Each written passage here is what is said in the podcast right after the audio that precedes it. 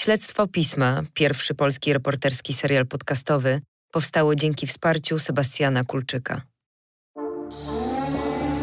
Pięć lat temu Agatę i Jana oskarżono o znęcanie się nad czwórką przybranych dzieci ze szczególnym okrucieństwem. Do dziś nie zostali skazani. Kiedy spotkałem ich po raz pierwszy, wydawało się, że skrywają tylko jedną tajemnicę, która jednak szybko wyszła na jaw. Dziś wiem, że kłamstw, manipulacji i ofiar w życiu tej pary jest więcej. Dlaczego nie odpowiedzieli za swoje czyny? Jaką rolę w całej sprawie odegrały znane postacie? Czy uda mi się ich odnaleźć? Nazywam się Mirek Wlekły, a to jest śledztwo pisma. Reporterska historia opowiadana tydzień po tygodniu. Odcinek pierwszy. Dzień, w którym Damian pękł. To wszystko zaczęło się 25 października 2013 roku w podstawówce w Ostrowie Wielkopolskim. I właśnie w tamten piątek y, Damian się przełamał i zaczął opowiadać o domu, o tym, co dzieje się w jego rodzinie. Miał wtedy 11 lat. Akurat jak na złość nie było w szkole pedagogzki, więc nauczycielka zapytała go, czy na początku tygodnia wszystko powtórzy. Zgodził się. Posłuchaj, co wydarzyło się w tamten październikowy dzień. Na potrzeby śledztwa zmieniłem imiona dzieci, a w opowiadaniu tej historii pomaga mi lektorka, która będzie czytać fragmenty akt, dokumentów i innych relacji. W poniedziałek Damian już na nią czekał, a potem długo opowiadał. Bo Agata i Jan, jego rodzice zastępczy, zagrozili, że wywiozą go do lasu. Pedagogzka Sławomira Mentel zapytała, czy chce wracać do domu. Chłopiec zaprzeczył. Wtedy zawołali jego starszą siostrę, Agnieszkę. Powiedzieli jej, że może nie wróci do rodziców. Agnieszka z początku milczała, aż wreszcie zapytała o jedno. Jak w takim razie zwróci książki do biblioteki? O mamie i tacie nie wspomniała. Była godzina jedenasta. Dyrekcja szkoły zadzwoniła do Powiatowego Centrum Pomocy Rodzinie. To ono nadzoruje rodziny zastępcze. Do szkoły poszły pracownica socjalna i psycholożka. Małgorzata Sierpowska-Grzyb tak wspomina ten dzień zamurowała nas totalnie. Dla nas była to pierwsza taka akcja, że tak powiem, e, w której brałyśmy udział, bo nigdy dotąd nie miałyśmy takiego problemu w rodzinie zastępczej i też działałyśmy po omacku tak naprawdę, bo e, nie wiedziałyśmy, czy, e, czy mamy rację w tej kwestii, że, że postępujemy tak, a nie inaczej, że postanowiłyśmy jakby w cudzysłowie nie wypuszczać tych dzieci ze szkoły do momentu, aż sąd właściwie no, postanowi to, czego my oczekiwałyśmy, czyli zabezpieczenie tych dzieci, e, żeby one w tym dniu już nie wracały do rodziny e, i uważałyśmy, że ku temu są powołane odpowiednie służby, żeby potem sprawdzić wiarygodność opowieści dzieci, ale wtedy, w tym momencie wszystko nam podpowiadało, że my nie mamy podstaw, żeby tym dzieciom nie wierzyć. Wezwali policję. Radiowóz przyjechał o 13.45. Policjant z zespołu do spraw nieletnich próbował rozmawiać z dziećmi. Z początku milczały. Wreszcie, kiedy zapytał Damiana, czy ktoś go bije, ten odpowiedział: Tata w łeb mi daje, a mama kopie. Dzieci wyznały, że Agata i Jan kary stosują prawie codziennie i zastraszają je, aby nikomu o tym nie mówiły. Posłuchaj jeszcze raz kierowniczki z pomocy społecznej dzieci przed policją w obecności pedagoga e, mm, zeznawały. Wtedy nie było czasu na to, żeby e, szukać psychologa, bo tak naprawdę powinien tam też być e, psycholog, ale to się działo po prostu w mgnieniu oka. Z naszej strony to była akcja, reakcja i, i wizyta w, w, w sądzie, rozmowa z mm, panią prezes sądu, przewodniczącą Wydziału Rodzinnego o całej tej sytuacji. Oczywiście rozmowa, ale też cały czas była tworzona dokumentacja, bo sąd musiał się oprzeć na na dokumentach. W związku z tym panowie policjanci y, spisywali y, protokoły. Moi pracownicy na miejscu pisali pisma, pani dyrektor w szkole pisała pisma y, dotyczące całej tej sytuacji. No i tak w cudzysłowie ten cały materiał dowodowy został dowożony do sądu etapami. E, no i na tej podstawie no, panie sędziny, które się zapoznały z tym, no, stwierdziły, że jednak chyba rzeczywiście trzeba e, dzieci zabezpieczyć, a potem e, będziemy dochodzić, gdzie jest, gdzie jest prawda i kto mówi prawdę. Przed 16 sąd rodzinny wydał postanowienie. Około 19 Agata i Jan wydali policji parę najmłodszych z czwórki dzieci. Adrian i Weronika czekali już na dole, a obok nich spakowane rzeczy – wszystko zakończyło się o pierwszej w nocy. Najstarsza Agnieszka trafiła do nowej rodziny zastępczej, a młodsza trójka do domu dziecka. Agnieszka miała wtedy 12 lat, Damian 11, Adrian 9, a Weronika 6.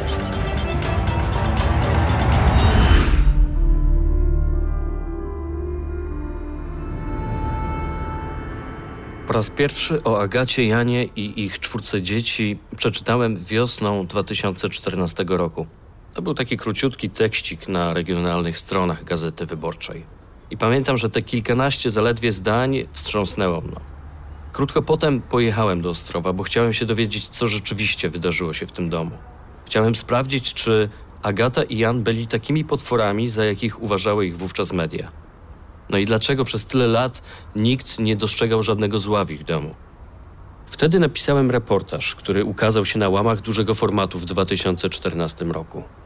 Po pięciu latach z powodów, o których jeszcze Wam opowiem, wróciłem tam i ponownie spotkałem się zarówno z tamtymi informatorami, jak i z nowymi świadkami, do których dotarłem teraz. Tam na miejscu w Ostrowie o Agacie i Janie rozmawiałem z wieloma osobami. I co zastanawiające, usłyszałem szereg skrajnych opinii ale pamiętam, że jedna rzecz mnie rozbawiła.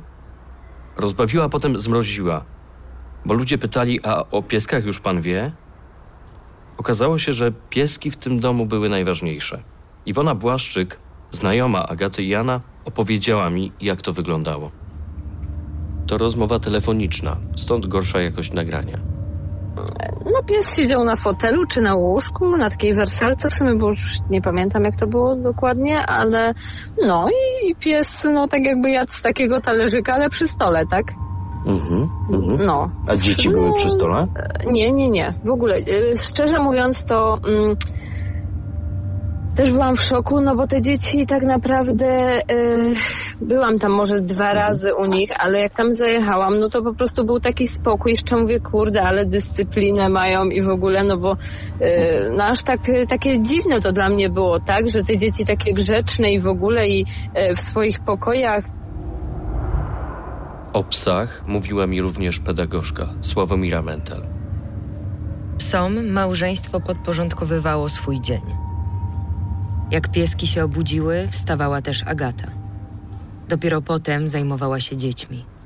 Trzy razy dziennie zabierali psy na spacer, ale dzieci wychodzących z rodzicami nie widywano.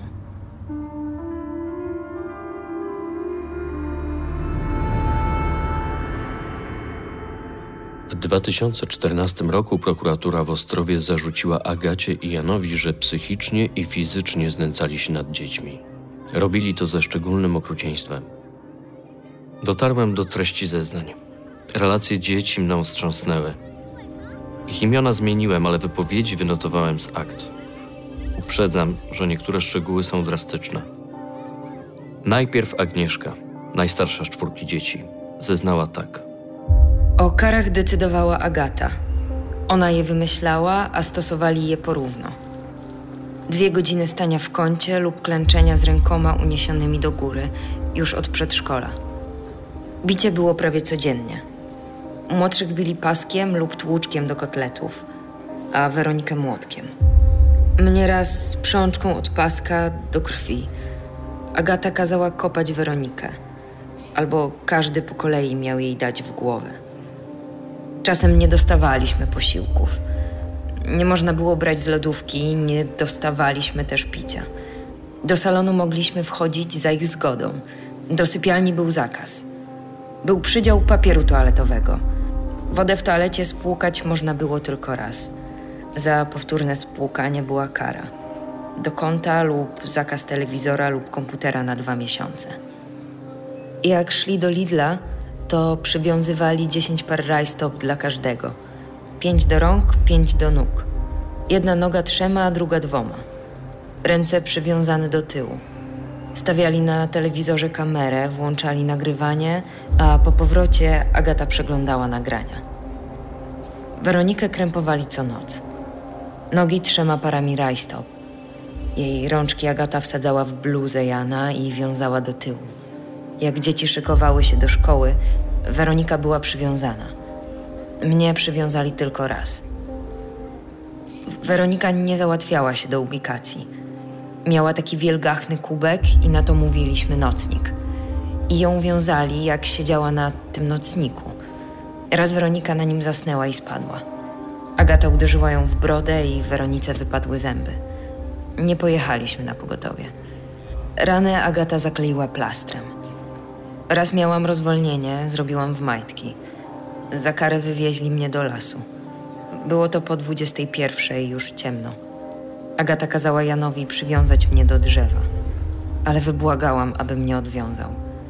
W lesie zostawili mnie na czas zakupów. Tyle dwunastoletnia Agnieszka. A co powiedział Damian, który miał wtedy 11 lat? Były też inne kary. Zakaz jedzenia obiadu, kolacji, śniadania i podwieczorku. Było czasem tak, że byłem głodny. Mama uderzyła mnie ręką w głowę, a mojego brata młotkiem do kotletów. Uderzyła go tak na środku. On płakał i pojechał do szpitala. Byliśmy na wakacjach nad morzem. Tam mama też krzyczała i nas biła. Zawsze jak wychodziła, to nas wiązała. Bałem się mamy. Tata był w porządku. Tata nigdy nas nie bił. On stawał w naszej obronie, jak mama krzyczała, ale nie pamiętam, co mówił. Następny zeznawał Adrian, lat 9. Tata raz mnie uderzył klapkiem w głowę. Mama biła mnie młotkiem po głowie. To był młotek od kotletów. Jak mnie uderzyła, to leciała mi krew. To się zdarzało częściej i za każdym razem byłem w szpitalu. Byłem w szpitalu trzy razy. Potem, jak była kolacja, to jadłem tylko suchy chleb i samą wodę. Nikomu nie mówiłem. Ja się ich boję. Oni mogli mnie wziąć do domu i wziąć młotek. I jeszcze jest Weronika. Miała wtedy 6 lat. Jak przesłuchuje się tak małe dzieci? Jak one opowiadają o takich przeżyciach? Posłuchaj. Biła nas młotkiem, takim dużym. Mama dawała nam w łeb ręką. Jak Agnieszka spała, to ja musiałam siedzieć i nie mogłam wstać, bo mama nie pozwoliła. Byłam przywiązana rajstopami do krzesła i w łóżeczku. Jak leżałam w łóżeczku, to rączki miałam z przodu. Nie mogłam ruszyć, bo mama mi je mocno zawiązała. Nóżki też. Co jeszcze opowiedziały dzieci? Damian, W tym domu nie było nic fajnego. Agnieszka, Nic dobrego mnie tam nie spotkało. Adrian, Nie przypominam sobie nic fajnego z tego domu. Weronika. Mama i tata przytulali mnie i mówili, że mnie kochają. Nie chciałabym do nich wrócić, bo czasami krzyczą na nas.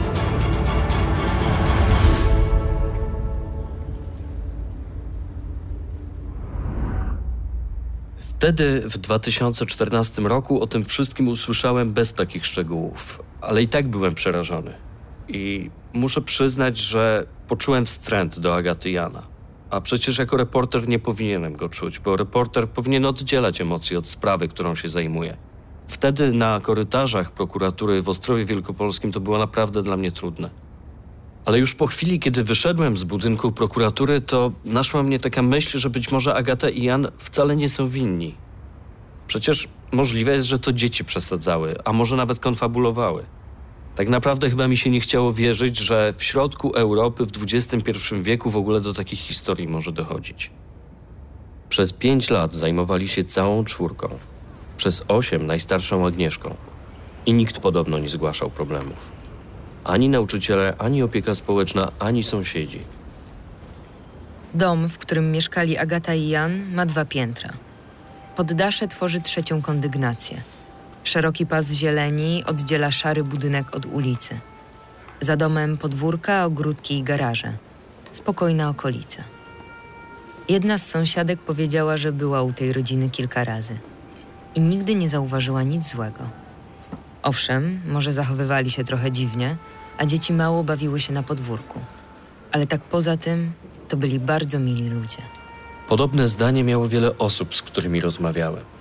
Na przykład w szkole podstawowej numer 9, do której najpierw chodzili Agnieszka i Damian, czyli dwójka starszych dzieci. Tam nauczyciele z początku byli wręcz zachwyceni Agatą i Janem. Tak mówiła mi o tym wicedyrektorka Maria Gryczka. No więc kiedy przyszli dzieci zapisać do szkoły, to wzbudzili ogromne zaufanie.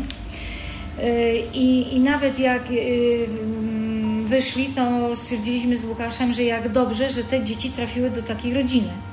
Bo oni opowiadali, jak pomagają i oczywiście bazowali też na tym, jak te dzieci do tej pory miały źle. A teraz, że oni się tymi dziećmi zajmą. Natomiast myśmy yy, zorientowali się, bo były przeróżne sytuacje, gdzie przychodzili i cały czas wyjaśniali, jak bardzo dbają o dzieci i jak bardzo chcą, chcą ich wychować na, na dobre dzieci. Po chwili dołączyła do nas Barbara Biernaczek, pierwsza wychowawczyni Agnieszki. Gdy miała przyjść do pierwszej klasy, y, to tatuś przyszedł, przyszedł prosić, ponieważ ona już miała wtedy opinię z poradni, będąc w zerówce, przyszedł mnie prosić, y, czy ja ją przyjmę, mimo że ona ma takie, a nie inne wskazania z poradni, czy jednak może chodzić do tej klasy. Więc y, rozpoczęła chodzić. Warunki ze strony ojca materialne miała zapewnione zawsze. No to już mówiłam, nie, że Naprawdę. czysto i śniadanie, czysto, śniadania, składki pozapłat, nieopłacone. Wszystko, wszystko Bo oni dbali, żeby nie, tak. nikt im niczego nie zarzucił. Nie Nie, zarzucił. To oni tu pilnowali bardzo. Tak. Z czasem pojawiły się wątpliwości. Ale czy mogły skłaniać do podejrzeń o czyny, o których opowiedział mi prokurator z Ostrowa? Na początku No wierzyła. my, byłyśmy, my byłyśmy nim zachwycone, mówimy jak dobrze, że te Tak, Jezu, dzieci... Kochany, bo- ale jakie oni cuda opowiadali. Na przykład mnie opowiadał, że ona jest tak, wie pan, on przyszedł i prosił mnie, by to dziecko mimo opinii było przyjęte, a od drugiej klasy wręcz twierdził, to się tak zaczęło w drugiej klasie, bo pierwsza Że w ją miarę, zostawić? Że ja mam ją zostawić. Bo ona się nie nadaje do drugiej klasy. Do trzeciej. I ja mówię, hola, mówię, co pan mi tu opowiada? On poszedł do dyrektora na mnie na skargę. Po kilku latach Agata i Jan przenieśli dzieci do szkoły podstawowej nr 4. Tak wspominała pedagogzka z tej szkoły. Trudno znaleźć rodziców, którzy interesowali się dziećmi jak oni. Na przykład Agata dzwoniła wieczorem. Prosiła, by Damianek nie jadł zachłannie chlebka, żeby nie zjadał wszystkiego od razu. No ale jak? Dziwiła się nauczycielka. A jeśli jest głodny? Tylko czy przesadna troska o dziecko jest czymś tak niezwykłym i nagannym, by od razu zapalać czerwone światło? Pedagogzka opowiadała dalej. Dzieci nie przychodziły na żadne imprezy szkolne. Pojawiała się Agata i mówiła, że dziecko coś przeskrobało. Pytała, i jak pani myśli, czy należy mu się wyjście na szkolną imprezę? Jedno wydaje się więc pewne. Agata i Jan byli przeczuleni. Na wiele zdarzeń reagowali przesadnie. Jak w przypadku dwuzłotówki. Tak zapamiętała to wicedyrektorka dziewiątki, pierwszej podstawówki Agnieszki i Damiana. Ale co nas zaczęło niepokoić, bo na przykład była kiedyś taka sytuacja, że e, dzieci zawiózł na policję, ponieważ specjalnie zostawił na przykład na komodzie złotówkę czy dwa złote i dzieci myślały, że są dla nich przygotowane kieszonkowe do szkoły, a oni ich oskarżyli o to, że ukradli te pieniądze. I te dzieci musiały pojechać z nimi na policję i powiedzieć, że te pieniądze ukradły. Z kolei pedagogzka ze szkoły nr 4 relacjonowała tak. Gdy nauczyciele chwalili dzieci, to Agata i Jan byli niezadowoleni. Gdy pojawiały się sukcesy, natychmiast odpowiadali, ale one nas okłamują. Agnieszka często nie ćwiczyła na WF-ie. Kiedyś zaczęła biegać i zaraz przestała, bo przecież nie wolno jej było się pocić. Innym razem na boisku zepsuł się jej but. I tak się zdenerwowała, że nie można było jej uspokoić. Agata i Jan wprowadzili rywalizację na najgrzeczniejsze dziecko. Nagrodą miał być wyjazd do Disneylandu, do Stanów Zjednoczonych. Damian długo wygrywał, potem Agnieszka. Na wycieczkę mieli zabrać tylko zwycięzcę. Małgorzata Sierpowska-Grzyb z pomocy społecznej przyznała mi, że wszystko to wzbudzało pewien niepokój. Dla nas niepokojące były informacje ze szkoły, y, gdzie y, najstarsza dziewczynka nie mogła na przykład y, chodzić na dyskoteki szkolne albo wyjeżdżać na y, wycieczki w ramach kar. W ramach kar, y, prze, przewinien i, i, i- kar. I to takie wzbudzało, wzbudzało nasz niepokój, y, bo można było to troszeczkę inaczej rozegrać i nawet rozmawiałyśmy na ten temat, ale Państwo uważali, że to oni wychowują dzieci, oni je znają od podszewki i, y, i wiedzą, jakie metody wychowawcze muszą zastosować, żeby y, wyegzekwować od dzieci to, czego oczekują.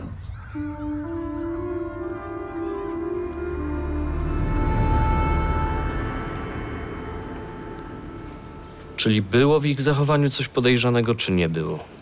A może wszyscy woleli o tym nie myśleć? Co do jednego moi rozmówcy byli zgodni. Jan był bardzo wiarygodny. Słyszałem też, że nie miał poczucia humoru. Jeden drobny żart on od razu stawał na baczność. No i z byle powodu robił się nerwowy. Ale jednocześnie był inteligentny, zorganizowany, zawsze dobrze przygotowany. Zadbany mężczyzna. I jego dom też sprawiał dobre wrażenie. Spytałem o to kierowniczkę z pomocy społecznej. E, Dom bardzo ładny, e, zadbany. W, starej, w starej kamienicy. E, Dzieciaki miały e, swój taki e, pokoik, właściwie taki jakby przechodni, taki łączony, adekwatnie do wieku dzieci wyposażony. Jakieś tam książeczki, zabawki i dla chłopców, i dla dziewczynki. No wszystko wyglądało tak, jak powinno wyglądać. Także bardzo pozytywne odczucie. Agacie i Janowi trudno było cokolwiek zarzucić. y, uczucia. Zawsze, y, zawsze o wszystkim tutaj się y, opowiadali, informowali, dzwonili o jakichś problemach z dziećmi. Mm, Wszystko, wszystko tutaj na, na plus. Pedagogzka Sławomira Mentel widziała to podobnie. Wszystko w tym domu było idealne. Wysprzątane, ciche. W opiniach, które pisała dla opieki społecznej, Agata i Jan spełniali wszelkie wymogi. Za to dzieci z sąsiedztwa opowiadały, że tamte dzieci rzadko wychodziły na podwórko. Że nie mogły biegać, bawić się w berka, grać w piłkę. Agnieszka płakała, kiedy się pobrudziła. I potem za karę nie wychodziła przez dwa tygodnie. Dzieci z podwórka mówiły też, że Agnieszce zabraniali bawić się w dom, bo za duża. Nawet na rowerze nie umiała jeździć. A imienia najmłodszej dziewczynki Weroniki to dzieciaki nawet nie pamiętały. Widziały ją tylko raz. No i potwierdzały, że Agata i Jan wychodzili na spacery, ale raczej z dwoma psami, nie z dziećmi. Pierwsza wychowawczyni Agnieszki, Barbara Biernaczyk, opowiedziała mi taką historię. Prawdziwe imiona i nazwiska ukryliśmy. Dostałam telefon od pani dyrektor ze szkoły, gdzie jest Mówiłaś tam? Tak, znaczy się mówiłam tylko, że czasami chciała zostać Tak. gdzieś, ona nikt nie, nie miała dzwoniła, pozwolenia. tak, pani dyrektor dzwoniła do mnie, co się stało z Anią, bo, bo zrobił awanturę. Przyszedł po dziecko odebrać ze świetlicy, a nie ma. Więc ja mówię, nie wiem, ja już jestem w domu. Mówię, no poszła, tak jak klasa wychodziła, ona poszła do świetlicy, tak? Myślę, że dotarła, ale ja jej za rękę nie doprowadzałam, bo na koniec pierwszej klasy już dzieci, czy tam drugiej, nie pamiętam, w którym to było, już same chodziły. Ale mówię, to ja zaraz sprawdzę. Obok mnie mieszkają, ja mieszkam w bloku, mieszka kilkoro dzieci z tej klasy. Mówię, pójdę zapytać, czy oni nie wiedzą, z kim ta wracała, wychodziła ze szkoły i tak dalej. Ja wybiegam przed blok i przy moim bloku, tak z boku, na szczycie, znajduje się piaskownica. Ja wybiegam, patrzę, a z moimi dziećmi, z tymi z klasy, siedzi w piaskownicy. Wołam ją do siebie, mówię, wiesz co, ty tutaj jesteś, a powinnaś być w, yy, w świetlicy. Mówię, tatuś się niepokoi, bo ona zawsze mówiła tatuś, Tatuś, ona tak. sobie tatuś, mamusia, nigdy inaczej. Więc, a ona tak na mnie patrzy, mówi, ale ja się boję powiedzieć. Ja mówię, ale co się stało? Wie pani co, bo ja nigdy nie mogę się bawić z dziećmi innymi. I w ogóle I raz chciałam spróbować, jak to jest. Po latach wróciłem do osiedla Szarych Domów w Ostrowie Wielkopolskim, do Hamsztetów, jak je tutaj nazywano. Lokatorzy kamienicy nie chcieli ze mną rozmawiać. Większość nie pamiętała Agaty i Jana, bo całkiem niedawno się tutaj wprowadzili. Tylko jedna sąsiadka, która mieszkała nad Agatą i Janem, wpuściła mnie do środka, zaparzyła kawę, poprosiła, żebym usiadł, ale nie pozwoliła nagrywać ani nawet robić notatek. Powiedziała mi jednak, że mieszkanie nad Agatą i Janem było dla niej nie do wytrzymania. Słyszała krzyki, awantury, bluzgi wobec dzieci.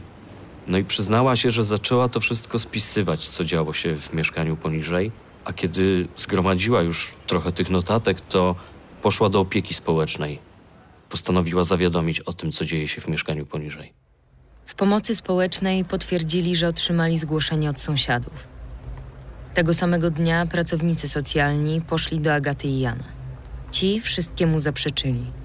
A nazajutrz Jan przybył z segregatorem pełnym dokumentów o konflikcie z sąsiadami. Tak to zawsze wyglądało. Akcja, reakcja. Na wszystko miał potwierdzenie. Wszyscy mi to mówili. Nie uwierzy pan, jaki on był wiarygodny. Agata i Jan jako rodzice zastępczy nie byli pozostawieni sami sobie. System nadzoru nad rodzinami zastępczymi jest całkiem rozbudowany. Zadzwoniłem do opieki społecznej, żeby o to dopytać i tak przydziela się danej rodzinie zastępczej koordynatora, który kontroluje i wizytuje tą rodzinę przynajmniej dwa razy y, w miesiącu. Tak jest to przyjęte u nas. Jest też y, w takiej stałej współpracy y, ze szkołą, ze sądem, z, ze świetlicami na przykład socjoterapeutycznymi, ze wszystkimi instytucjami pomocowymi, które otaczają swoją pomocą dziecko umieszczone w rodzinnej pieczy zastępczej. Kilka razy w roku ci wszyscy specjaliści spotykają się.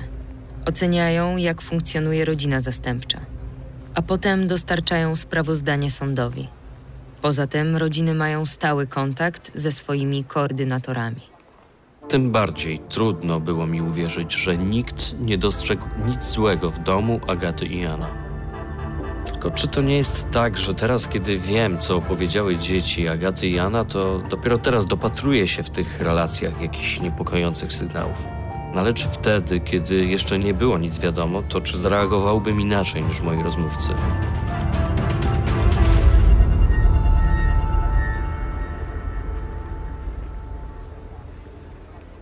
Kiedy wróciłem do sprawy, w szkole podstawowej numer 9 powiedzieli mi, że dostrzegali jakieś niepokojące sygnały i że wcale ich nie lekceważyli.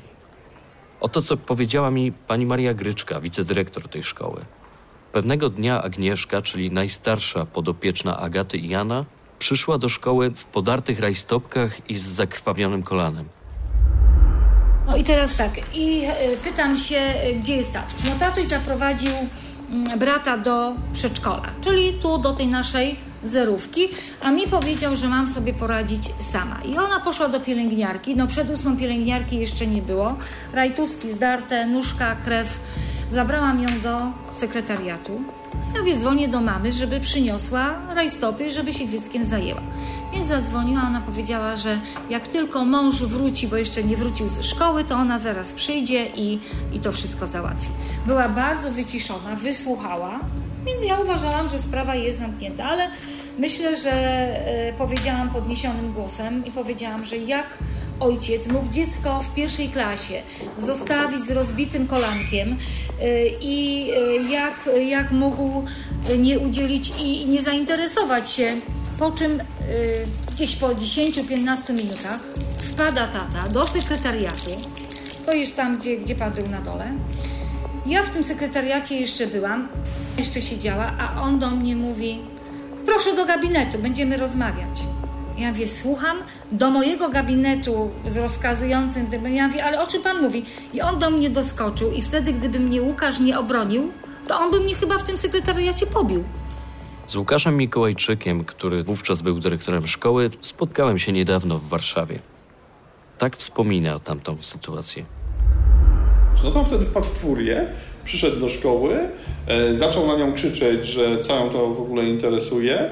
E, no i to był ten moment już e, krytyczny, kiedy wiedzieliśmy, że tam na pewno, na, na, na pewno nie jest dobrze. Zwołałem od razu, znaczy od razu, no jak to się powtórzyło tam któryś raz, to zwołałem spotkanie mm, nauczycieli uczących w tej klasie, które było poświęcone tylko i wyłącznie e, po to, żeby jej pomóc. No i tam faktycznie były sygnały, że no, niekiedy, prawda, mówi, to było oczywiście po kilku miesiącach już chodzenia do szkoły, że, że niekiedy wspomina, że no tam, nie wiem, w domu krzyczą, że psy są wa ważniejsze i tego typu sytuacje. Natomiast jakby nigdy nie wskazała, że, że nie wiem, została wtedy jeszcze, tak, że została pobita, czy coś się stało. Ale dlaczego swoje wątpliwości szkoła zgłaszała tylko nieoficjalnie, ustnie? W szkole nie zachował się żaden spisanych ślad. Czy czegoś się obawiali? No, wielokrotnie kontaktowałem się z MOPS-em. Oni też mieli pewne swoje podejrzenia, ale nie było dowodów na to. Zgłaszaliśmy to dzielnicowemu. E, w takich rozmowach naprawdę dzielnicowy często przychodził do szkoły, żeby rozmawiać o bezpieczeństwie dzieci. Zgłaszaliśmy. E, no, to też było wszystko tak niestety ustawione, że jak ta kontrola, czy, czy osoby przychodziły do państwa, no, tam było wzorcowo, tak? Porządek, wszystko pięknie, dzieci, prawda, e, no, wiedziały, co mają mówić. No, Wszystkie kontrole w domu Agaty i Jana wypadały wzorowo. Tylko, że pracownicy opieki społecznej nie wiedzieli, że kiedy tam przychodzili, to w domu odbywała się zabawa w króla ciszy. Być może właśnie o takiej sytuacji Agnieszka opowiedziała pewnego razu swojej wychowawczyni. Pytałam, jak mają w domu, tak? Na przykład, co robiliście wczoraj, to mówi, co, siedzieliśmy w domu, drzwi były pozamykane. Wie pani co, przyszły jakieś panie i pukały do drzwi, a my musieliśmy siedzieć i nic nie mówić, bo byśmy byli ukarani. Więc pewnie jakaś pomoc przyszła, albo nie wiem, panie przyszły, tak, e, rolety pozasuwane, że nikogo nie ma w domu, z nikim nie chciały rozmawiać. W 2011 roku szkoła postraszyła Agatę i Jana sądem rodzinnym. Wtedy przenieśli swoich podopiecznych do szkoły numer 4. Z kolei dyrekcja dziewiątki o swoich podejrzeniach podobno poinformowała szefostwo nowej szkoły. Cóż z tego, skoro dramat dzieci trwał aż do października 2013 roku. Kiedy afera wyszła na jaw, Jan był strażnikiem miejskim w Ostrowie. Komendantem straży jest Grzegorz Szyszka. Okazało się, że w tamtym czasie spotkał się z kierowniczką z pomocy społecznej i pedagogzką z podstawówki numer 4. No i wtedy dopiero, no i wtedy między innymi do, dowiedzieliśmy się kto to jest, co to za rodzina, yy, że powiedzmy w miejskim, że w szkole są jakieś problemy z dziećmi, tak? Jeśli chodzi o panią Mentel, to informowano, że w szkole z dziećmi były problemy, były problemy z, z rodzicami tymi zastępczymi, czyli z tym plus z jego żoną. Y, z kolei Miejski Ośrodek Pomocy Społecznej również zaczął wówczas poprzez panią Małgosię nas informować, że no były już różnego rodzaju takie nieprzyjemne historie, zarówno tam w, w domu, jak i, jak i u nich bezpośrednio w instytucji. No i wtedy dopiero zaczęliśmy tak naprawdę takie pozyskiwać informacje można powiedzieć, ze źródeł takich bardziej wiarygodnych, tak? bo wcześniej to były powiedzmy takie tam telefony. Ale podobnie jak w przypadku działań w pierwszej szkole, z podejrzeń i rozmów niewiele wynikło. I tak się zastanawiam, kiedy myślę o tej historii, czy aby nie jest tak, że teraz, kiedy sprawa wyszła na jaw, to moi rozmówcy próbują się za wszelką cenę wybielić. Czy nie podkreślają tych wszystkich niepokojących sygnałów, tych działań, które podejmowali tylko po to, by lepiej teraz wypaść i uspokoić swoje sumienia.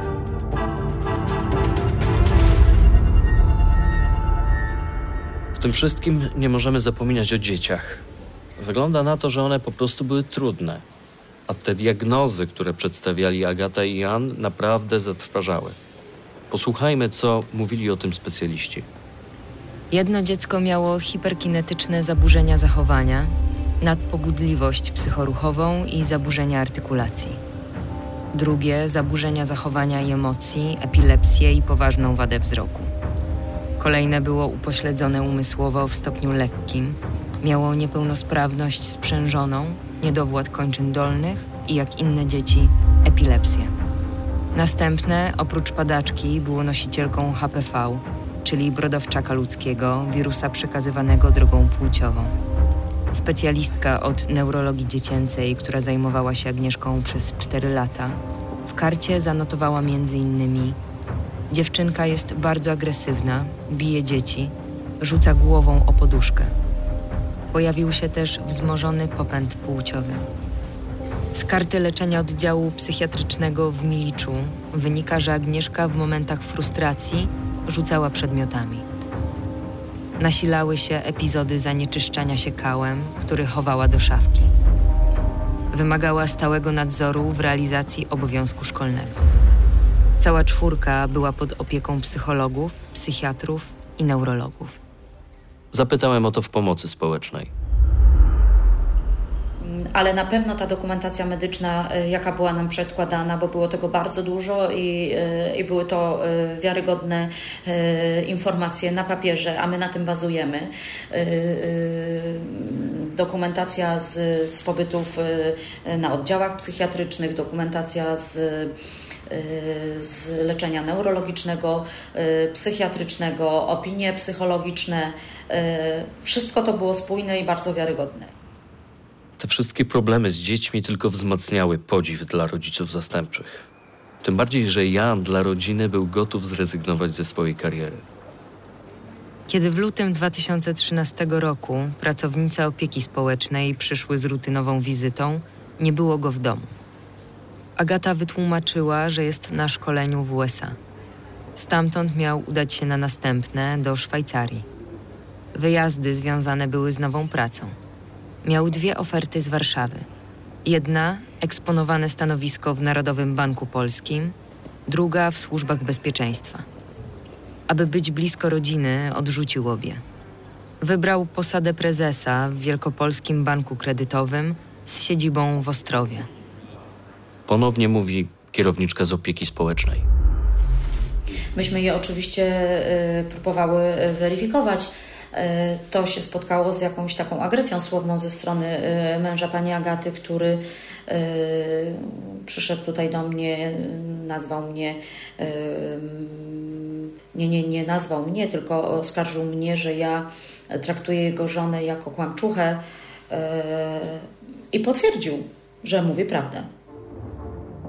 Kierowniczka powiedziała mi, że podczas tamtej wizyty wydawało się, że dzieci w ogóle nie było w domu a tak naprawdę cicho siedziały w pokoju obok. A ja do dzisiaj się zastanawiam, czy Weronika była w tym czasie związana rejstoplanem. Kiedy przeglądałem te wszystkie opinie psychiatryczne, a potem jeszcze rozmawiałem o tym z pracownikami opieki społecznej, to miałem wrażenie, że coś istotnego mi umknęło. I dopiero później, kiedy ponownie powróciłem do akt sprawy, uświadomiłem sobie, co tak naprawdę mnie gryzło. Otóż w aktach znalazłem opinię prokuratorsko-psychologiczną. U Agnieszki stwierdzono normę intelektualną i iloraz inteligencji 104. Damian był w obszarze normy i miał IQ 88. Adrian też w normie z ilorazem inteligencji 92. Jedynie u Weroniki stwierdzono upośledzenie w stopniu lekkim i IQ 64. No i jak to się miało do tych wszystkich opinii i eksperty, z którymi Agata i Jan zasypywali opiekę społeczną i szkoły? Przypomniało mi się też, co pięć lat temu powiedziała mi nowa matka zastępcza Agnieszki. Dziewczynka trafiła do niej tego samego dnia, kiedy zebrano ją od Agaty Jana. Według niej Agnieszka nie miała żadnej epilepsji ani chorób psychicznych. Była zupełnie zdrowa, tylko była obolała, więc do ortopedy trzeba było z nią jechać. Jest jeszcze ta karta informacyjna ze szpitala w Miliczu. Faktem jest, że znalazły się tam różne przerażające szczegóły, które podawali rodzice zastępczy. Ale w samym szpitalu nie zaobserwowano ani zanieczyszczania się kałem, ani zachowań o podtekście seksualnym. A badanie EEG nie wykazało patologicznych zmian. Potwierdziła to kierowniczka w pomocy społecznej. Znaczy, nie pamiętam już, jeśli chodzi o te dzieci, które trafiły do domu dziecka. Yy ale dziewczynka, która trafiła do rodziny zastępczej, na pewno miała wykluczoną, ona miała kilkakrotne EEG i na pewno miała wykluczoną padaczkę. Ale już teraz nie pamiętam, jak to wszystko po kolei e, e, było jakby niwelowane, ale wiele z tych zaburzeń e, no, chyba okazały się nieprawdziwe, no bo dzieci zaczęły funkcjonować normalnie. Wróciłem do akt i znalazłem tam zeznanie lekarki z poradni zdrowia psychicznego w Ostrowie. Dzieci były jej pacjentami w ramach NFZ. Śledczym mówiła, że wizyta polegała na tym, że do gabinetu wchodził Jan. I przez długi czas mówił, co dzieci robiły źle. One w tym czasie czekały na korytarzu. Lekarka nie potrafiła powiedzieć, na czym miała polegać terapia z tymi dziećmi. Bo przecież zazwyczaj to ona rozmawia z rodzicami. Przekazuje im swoje wskazówki, jak postępować z dziećmi. A tutaj czegoś takiego nie było. To nie była terapia, tylko sporadyczne spotkania. Dlaczego więc nie reagowała? Lekarka dodała, że dzieci brały leki przypisywane przez lekarza psychiatrę.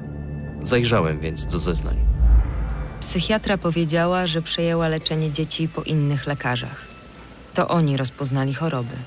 Wynikało z tego, że dzieci miały zaburzenia zachowania i zaburzenia emocjonalne. Ale sama tych zachowań u nich nie stwierdziła. I przypuszczała, że diagnoza zaburzeń dziewczynki była błędna. Nie znalazłem odpowiedzi na pytanie, czemu nic z tym nie zrobiła. Wreszcie natknąłem się na zeznanie neurolog dziecięcej. Pani doktor przez kilka lat opiekowała się Agnieszką.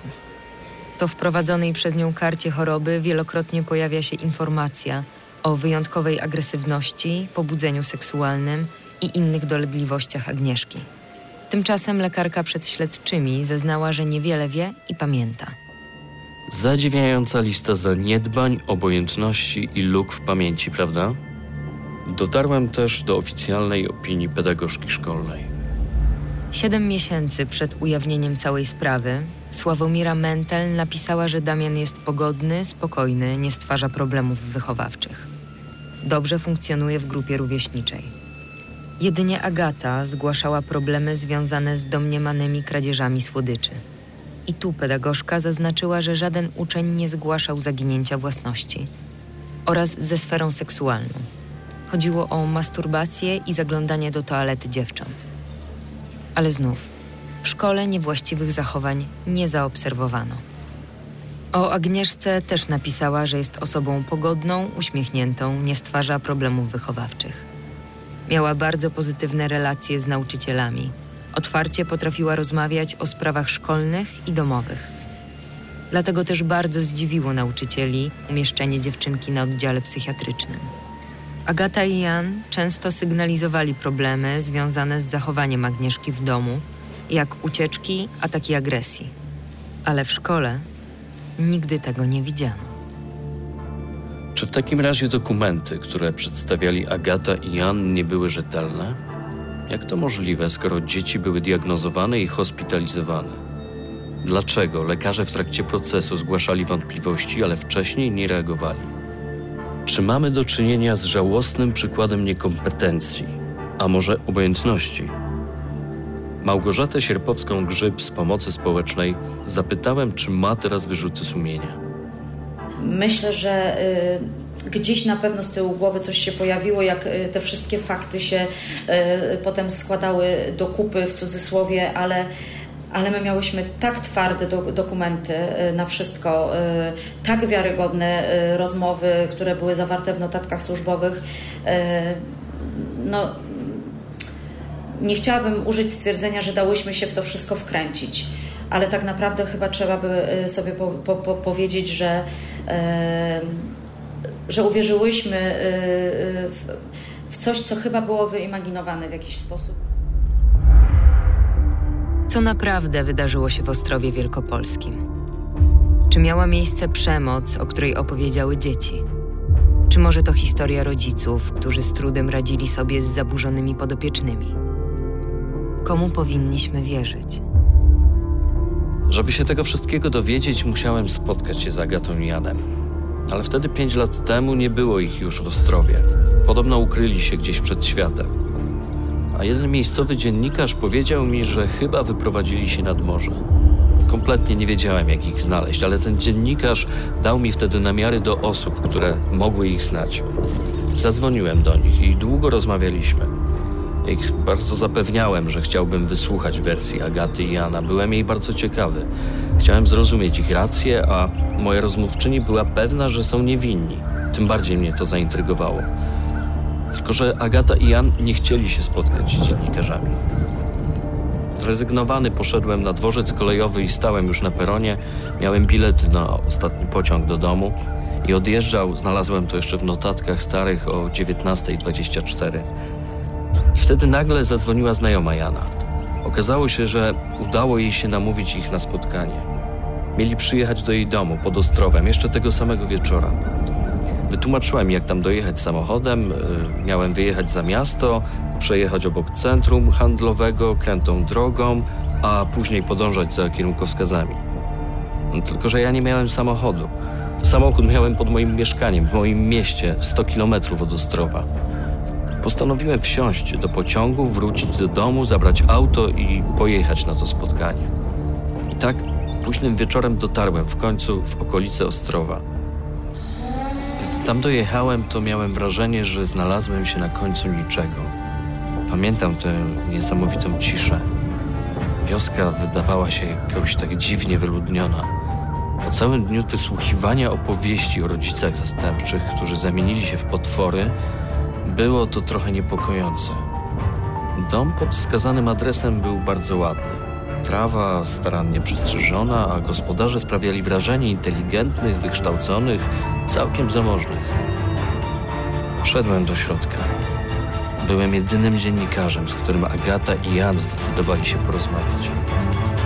Tylko gdybym wtedy wiedział, co wiem o nich dzisiaj, zapewne bardziej miałbym się na baczności.